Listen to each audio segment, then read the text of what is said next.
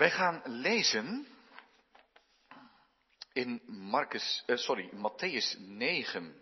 Matthäus 9, de eerste acht versen. Matthäus 9, vers 1 tot en met 8. Nu, het gedeelte wat hier staat, wat Matthäus hier beschreven heeft, is, uh, vind je ook in andere evangeliën en daar vaak wat uitgebreider. Dus vaak lezen wij deze geschiedenis in de versie van Marcus. Met die vier vrienden en dat dak, dat is natuurlijk geweldig mooi.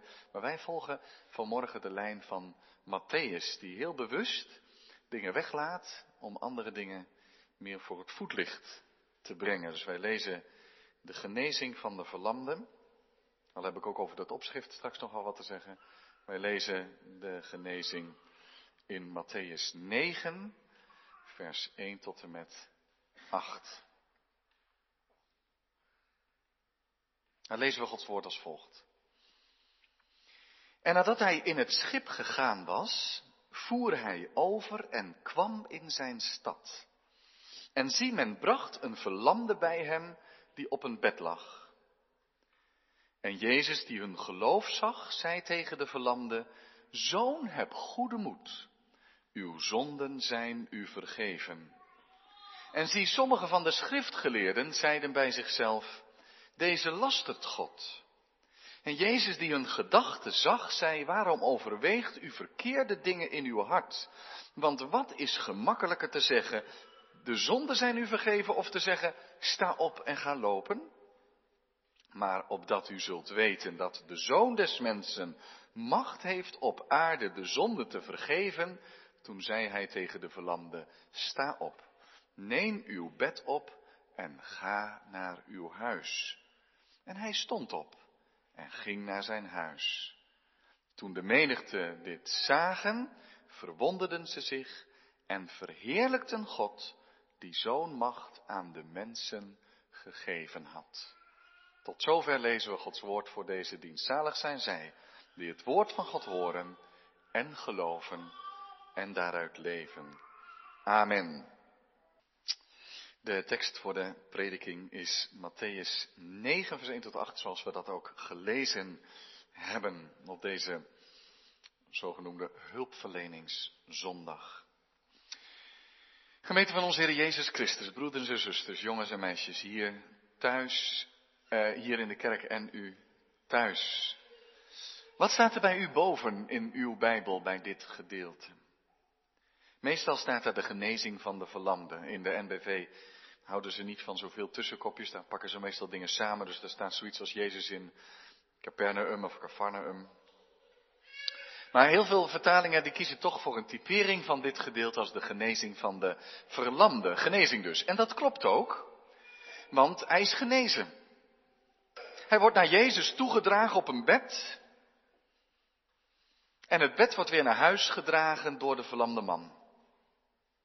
De genezing van de verlamde man dus. Maar, als Jezus hem ziet, begint hij over vergeving. Terwijl de nood voor zich spreekt. De hulpvraag is niet een vraag. Het is duidelijk wat die man nodig heeft.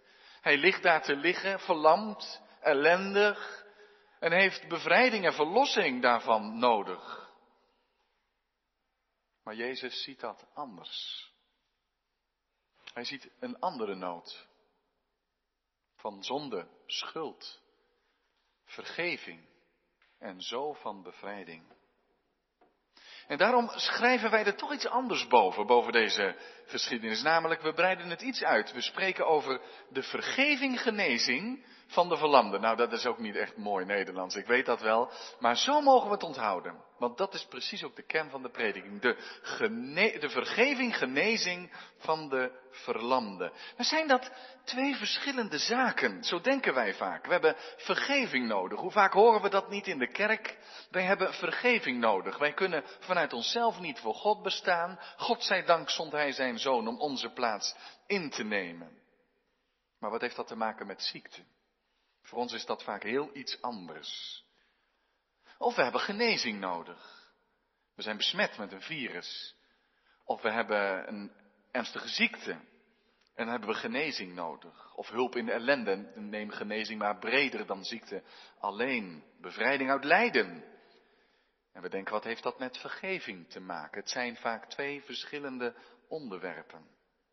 We denken daar ook over na, nu wij als gemeente bezig zijn een project in de buurt van de kerk voor te bereiden. Een, zo noemen we dat dan maar, ja, we vinden het moeilijk om dat korter te zeggen, een diaconaal missionair project. En nu zijn we op weg daar naartoe. We zijn een verkenningsproject aan het houden voor een diaconaal missionair project. Nou, dat is een hele mond vol. Maar dat is het wel. Kijk, Willem is daar heel veel mee bezig. In zijn werk, twee dagen in de week, om buurtonderzoek te doen. En nu ook de enquête die uitgezet is in de gemeente. En de focusgroep denkt na met Willem. Elke maand, waar staan we? En heeft ook deze enquête mee voorbereid. En de gemeente wordt er dus ook in meegenomen. En er waren hartverwarmende reacties. We zijn dat niet vergeten bij de digitale vergadering die we hadden in november. De betrokkenheid was groot. En we zien uit naar 1 maart, waar tijdens de gemeentevergadering Willem ook zal presenteren wat we inmiddels gevonden hebben. En ook de enquêtes zullen dan verwerkt zijn. En we noemen dat dus een diaconaal missionair project. Diaconaal, dat staat eigenlijk voor genezing. Echte hulp, praktische hulp, om mensen te helpen in hun nood, noem het maar genezing. En missionair, een beetje beperkt opgevat, staat dat voor evangelisatie. Waar nadruk wordt gelegd op vergeving. Maar die twee, zegt Jezus nou in dit gedeelte, die horen bij elkaar.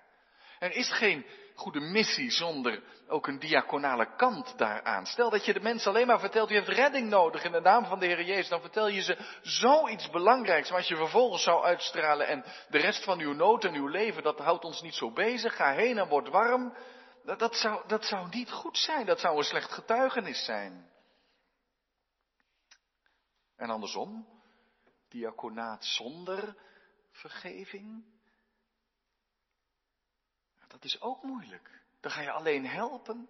Ja, let wel, we helpen wel zonder voorwaarden. We gaan niet zeggen, nou we helpen u, of uh, we gaan iets in de wijk doen, alleen maar met het oog op dat de gemeente groeien zal. Nee, helemaal niet. Zonder enige voorwaarden willen we er voor ieder zijn. En toch doen we dat diaconale werk, dus ook de hulpverlening, echt in Jezus' naam. En dat is erg belangrijk, want het gaat ons er niet alleen om, hoe belangrijk ook dat we uit naaste liefde mensen wat verder helpen in hun leven. Wat baat het de mens om geholpen te worden met de problemen van het leven, als we niet ook met de ogen van God en van Jezus naar mensen kijken, tot in de diepste nood van ons mensen. En ook de diepste bevrijding en genezing. We mogen mensen zien als mensen die meer nodig hebben dan brood als ze geen brood hebben omdat ook zij niet bij brood alleen leven. Dus we geven brood. En al zouden we nooit de gelegenheid hebben om ook over het brood des levens te spreken, is dat wel wat ons drijft.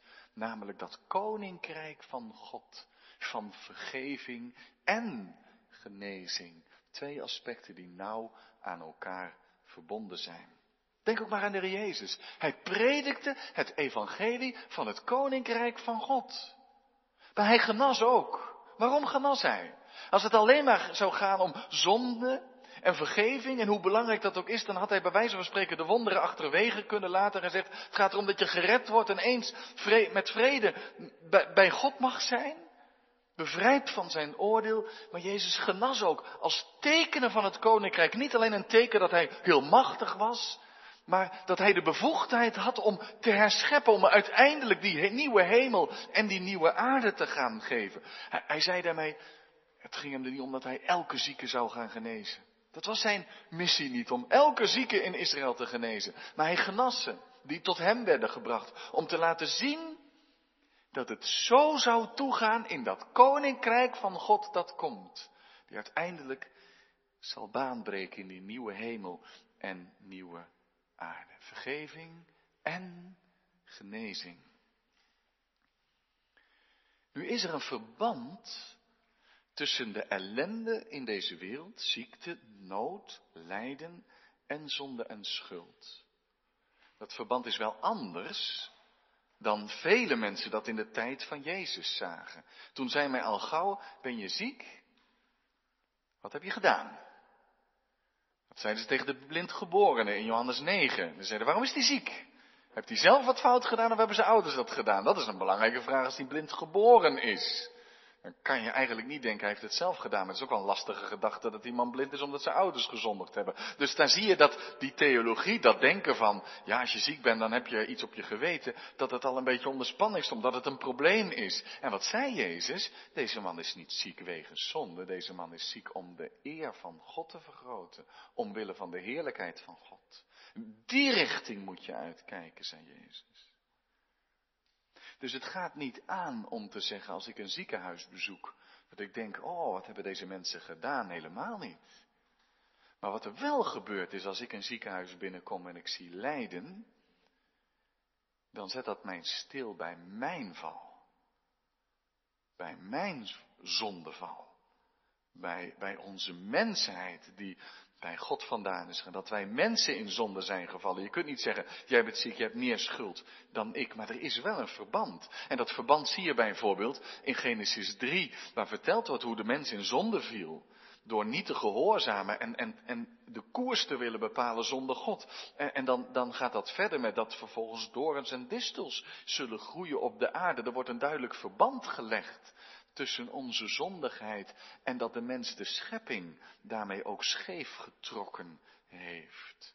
En dat Gods redding sinds Genesis 3, die overwinning van uh, het nageslacht van de vrouw die de kop van de slang zal vermorselen, zo gaat Genesis 3 ook verder, dat dat niet alleen gaat om vergeving van schuld, maar ook om herstel van de dingen dat, dat Christus alles weer bijeen zal vergaderen in zijn naam. Dat hij de machten zal verbreken. Dat hij de zonde zal dragen. En dat hij toe zal werken naar die volkomen genezing. En de herstelde relatie met God in een herstelde schepping. Misschien is het u al eens opgevallen, maar dat kom je ook in Psalm 103 tegen. Die innige band tussen die twee. Want in Psalm 103, vers 3 staat, die al uw ongerechtigheid vergeeft, die al uw ziekten geneest. En dan kun je zeggen, ja, maar dat zijn twee dingen. Ja, dat zijn twee dingen. Maar, maar die mogen in één adem gezongen worden. Als we niet willen vergeten de grote daden die God doet. Die al uw ongerechtigheid vergeeft. Die al uw ziekten geneest. En dat geldt ook als je ziek in het ziekenhuis ligt. En misschien wel weet, er zal voor mij geen genezing meer zijn. Dan is het nog waar dat er een God is die alle ongerechtigheid vergeeft. En eens in de toekomst van Jezus Christus. Dan zeker al uw ziekten geneest. En je ziet dat in Jesaja 53. Vers 4 en 5. Voorwaar onze ziekten heeft hij op zich genomen. Al onze smarten heeft hij gedragen. En in vers 5, hij is om onze overtredingen verwond. En de straf die ons de vrede aanbrengt, was op hem. Dan zie je net als in Psalm 103, in Jezaja 53, hoe die twee dingen in elkaar grijpen en bij elkaar horen. Dat als Jezus komt, de Zoon van God, als God mens wordt, dat hij niet alleen de daad van vergeving uitvoert, de straf draagt, dat ook. Dat is zeer belangrijk. Maar dat hij ook ons leven en ons lijden deelt, de ziekte draagt, de gevolgen van de zonde op zich neemt, omdat hij de machten gaat breken en toewerkt naar die grote toekomst van God. Vergeving en genezing in, in één adem. Dat is het heil van God. Het is een wat lange inleiding op Matthäus 9. Maar ik denk dat we dat nodig hebben om goed te begrijpen waar het hier om gaat. Als Jezus die mensen aanziet komen met hun vriend, gaan we vanuit, maar even vanuit de andere evangelie, want ze brengen hem gewoon naar hem toe. Dan is de situatie helder. Hij heeft genezing nodig. We zien allemaal hetzelfde. Het is een bed waarop de man ligt. Maar wat ziet Jezus? Hij ziet iets anders. Hij ziet hun geloof. Hun geloof. Niet alleen dat van die man, waarschijnlijk ook, maar ook van de mensen die hem naar hem toe brengen. Hij ziet hun geloof. Zij komen naar Jezus. Hij ziet hun geloof. Zij zoeken hem. Ze kijken naar hem op. Verwachtingsvol. Ze hebben hem nodig. Ze geloven in Hem, ze verwachten het heil van Hem. Hij weet dat. Hij ziet dat. Hij doorgrondt hen. Hij kent hen. En als hij die man ziet liggen, dan welt er iets op in zijn hart. En wat welt er op in zijn hart? Wat is het eerste wat hij zegt? Denkt hij dan, ach, die man. Hij is met innerlijke ontferming bewogen en zegt, die man heeft genezing nodig. Ongetwijfeld ook. Maar het eerste wat bij Jezus als het ware bovenkomt, is, die man die moet Gods vergeving gaan krijgen. Dat is namelijk het diepste. Dan gaat het heil echt voor hem open. Niet voor even, maar voor eeuwig.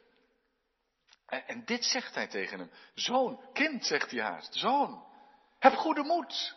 Dat is evangelie. Heb goede moed. Je hoeft niet langer te treuren.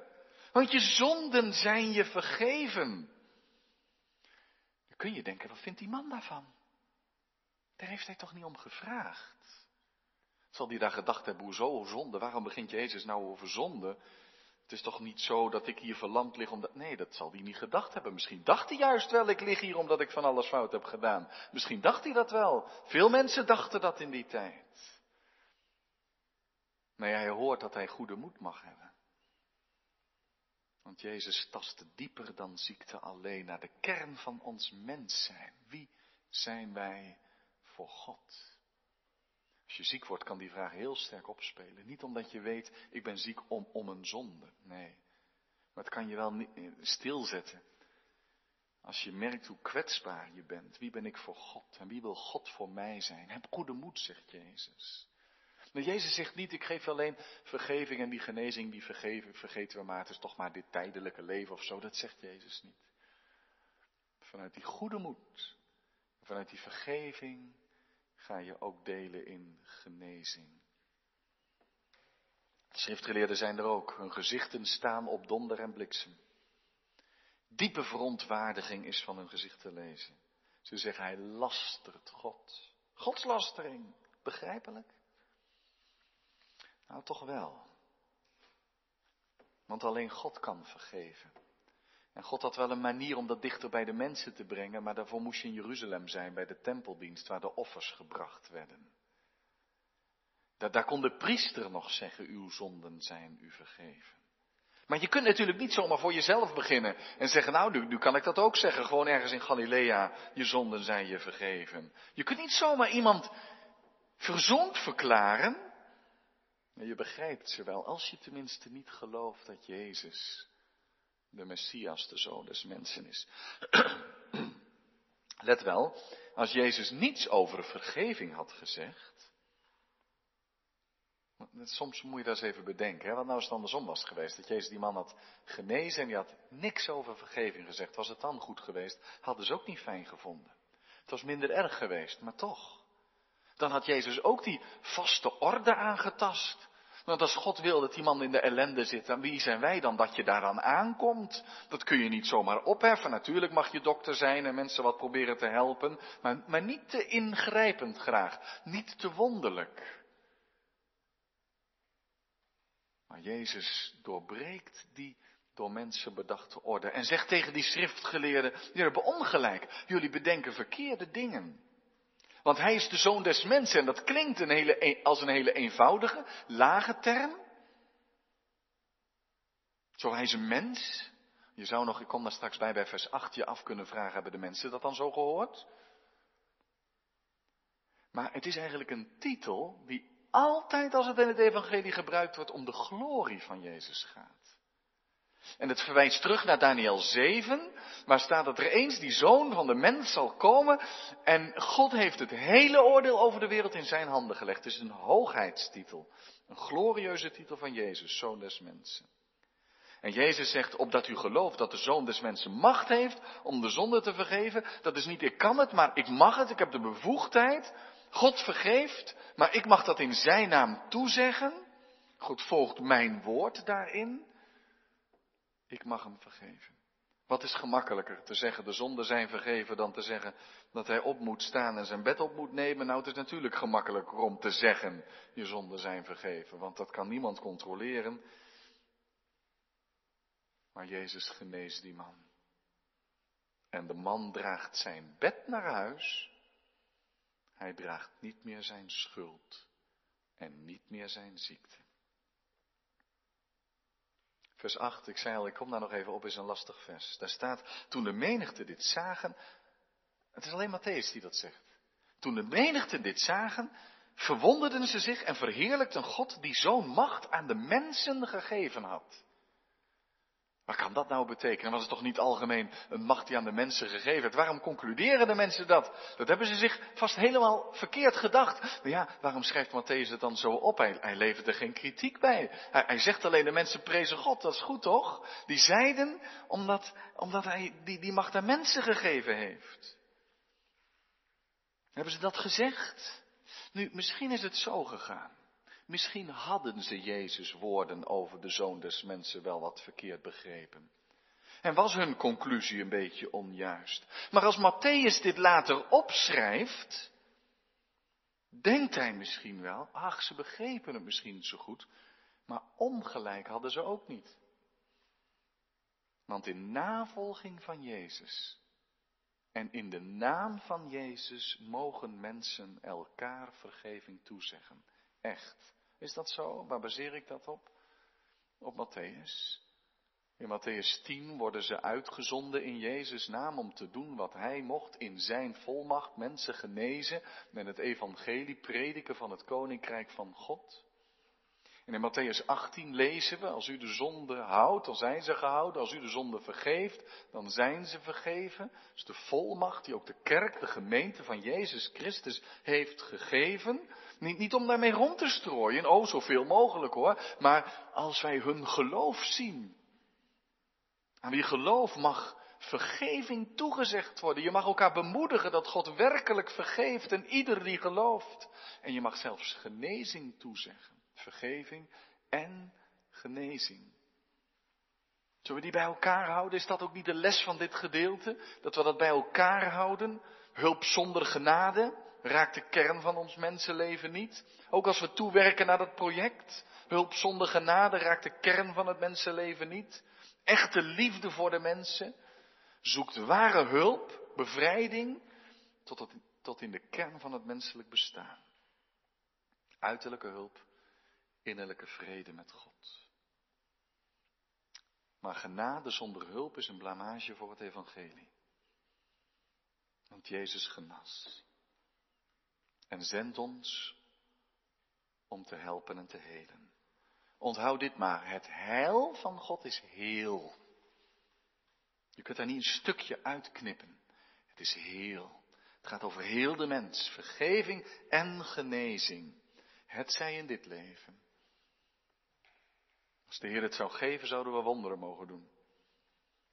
Maar als we hier bij het ziekbed staan en we zijn machteloos, dan mogen we wijzen op de toekomst van God door Jezus Christus. Nieuwe hemel, nieuwe aarde. Nu, broeders en zusters, thuis en hier, wat zien wij als wij mensen zien om ons heen? Zien we ze? En zien we ook geloof? Zoeken we ernaar? Kijken we ook zo? Wat mogen wij zeggen aan een ziekbed? Ik vind het zo'n voorrecht om te spreken over de genade van God. Een God die ons kwam opzoeken, die geen afstand tot ziekte en leed hield. Dat er echt vrede met God is. En dat wordt ervaren hoor. Tot in ziekenhuizen aan toe. Het wordt ervaren, de vrede met God. Maar we spreken ook over genezing, want we zitten daar bij de gebrokenheid van het leven. Je ziet mensen lijden. Mensen dreigen moedeloos te worden. Het is soms een moeilijke weg. Maar zelfs, hoeveel zijn er niet geweest? Broeders en zusters, die wisten dat het leven naar een einde ging, grepen zich vast aan de levende God. En aan de belofte. Dat als zij eens definitief hier hun ogen sluiten, dat ze bij de Here mogen zijn die hun zieke lichaam ook eens zal opwekken. Een dode lichaam. Ja, uitgeteerd door ziekte soms. En zal brengen, terugbrengen zijn grote toekomst. Waar heelheid is en genezing. En dan mag je dat toezeggen. Aan wie gelooft, toezeggen. Er is ook voor u vergeving en genezing. Dat vraagt geestelijk aanvoelingsvermogen en inzicht, ja. Geloof je het echt? Mag het je houvast zijn? Het vraagt bemoediging, maar je mag het verkondigen. Vergeving en genezing in Jezus' naam. Dat is niet voor predikanten voorbehouden alleen, is mijn overtuiging. Of de vergeving aan een priester, naar de biecht. Nee. Het is iets wat de Heere zijn volgelingen in handen legt. Om in zijn naam en ieder die gelooft dat toe te zeggen. Het is hulpverleningszondag. Vandaag mag u uw gaven geven. De hulpverleningscollecte. Mooi en goed om samen diaconaat te doen, dichtbij en ver weg. Maar hou het vooral dichtbij uw en jouw eigen leven. Zie de mensen om je heen. Leef volgens dat koninkrijk van God. Heb Christus lief en heb mensen lief. Tot in de kern van ons bestaan. En zelf besef je, mijn diepste nood is dat ik Gods liefde en genade ontvang. Dat is mijn drijfveer waarom ik zo leef. En dan wil ik helpen, onvoorwaardelijk, helpen waar ik maar kan. Maar in de naam van Jezus. Dan is het christelijk leven, dat voelen we toch aan wel wat anders dan braaf en netjes leven. Het is koninkrijksleven, koninklijk leven. Leven waarbij de genade van God tot in je botten zit, bij wijze van spreken. Het zit in je hart. Het zit aan de binnenkant van je leven. En het wordt zichtbaar aan de buitenkant, omdat je ernaar verlangt. Dat al die mensen, we zullen er vanmiddag dieper op ingaan, dat al die mensen God zullen verheerlijken. Amen.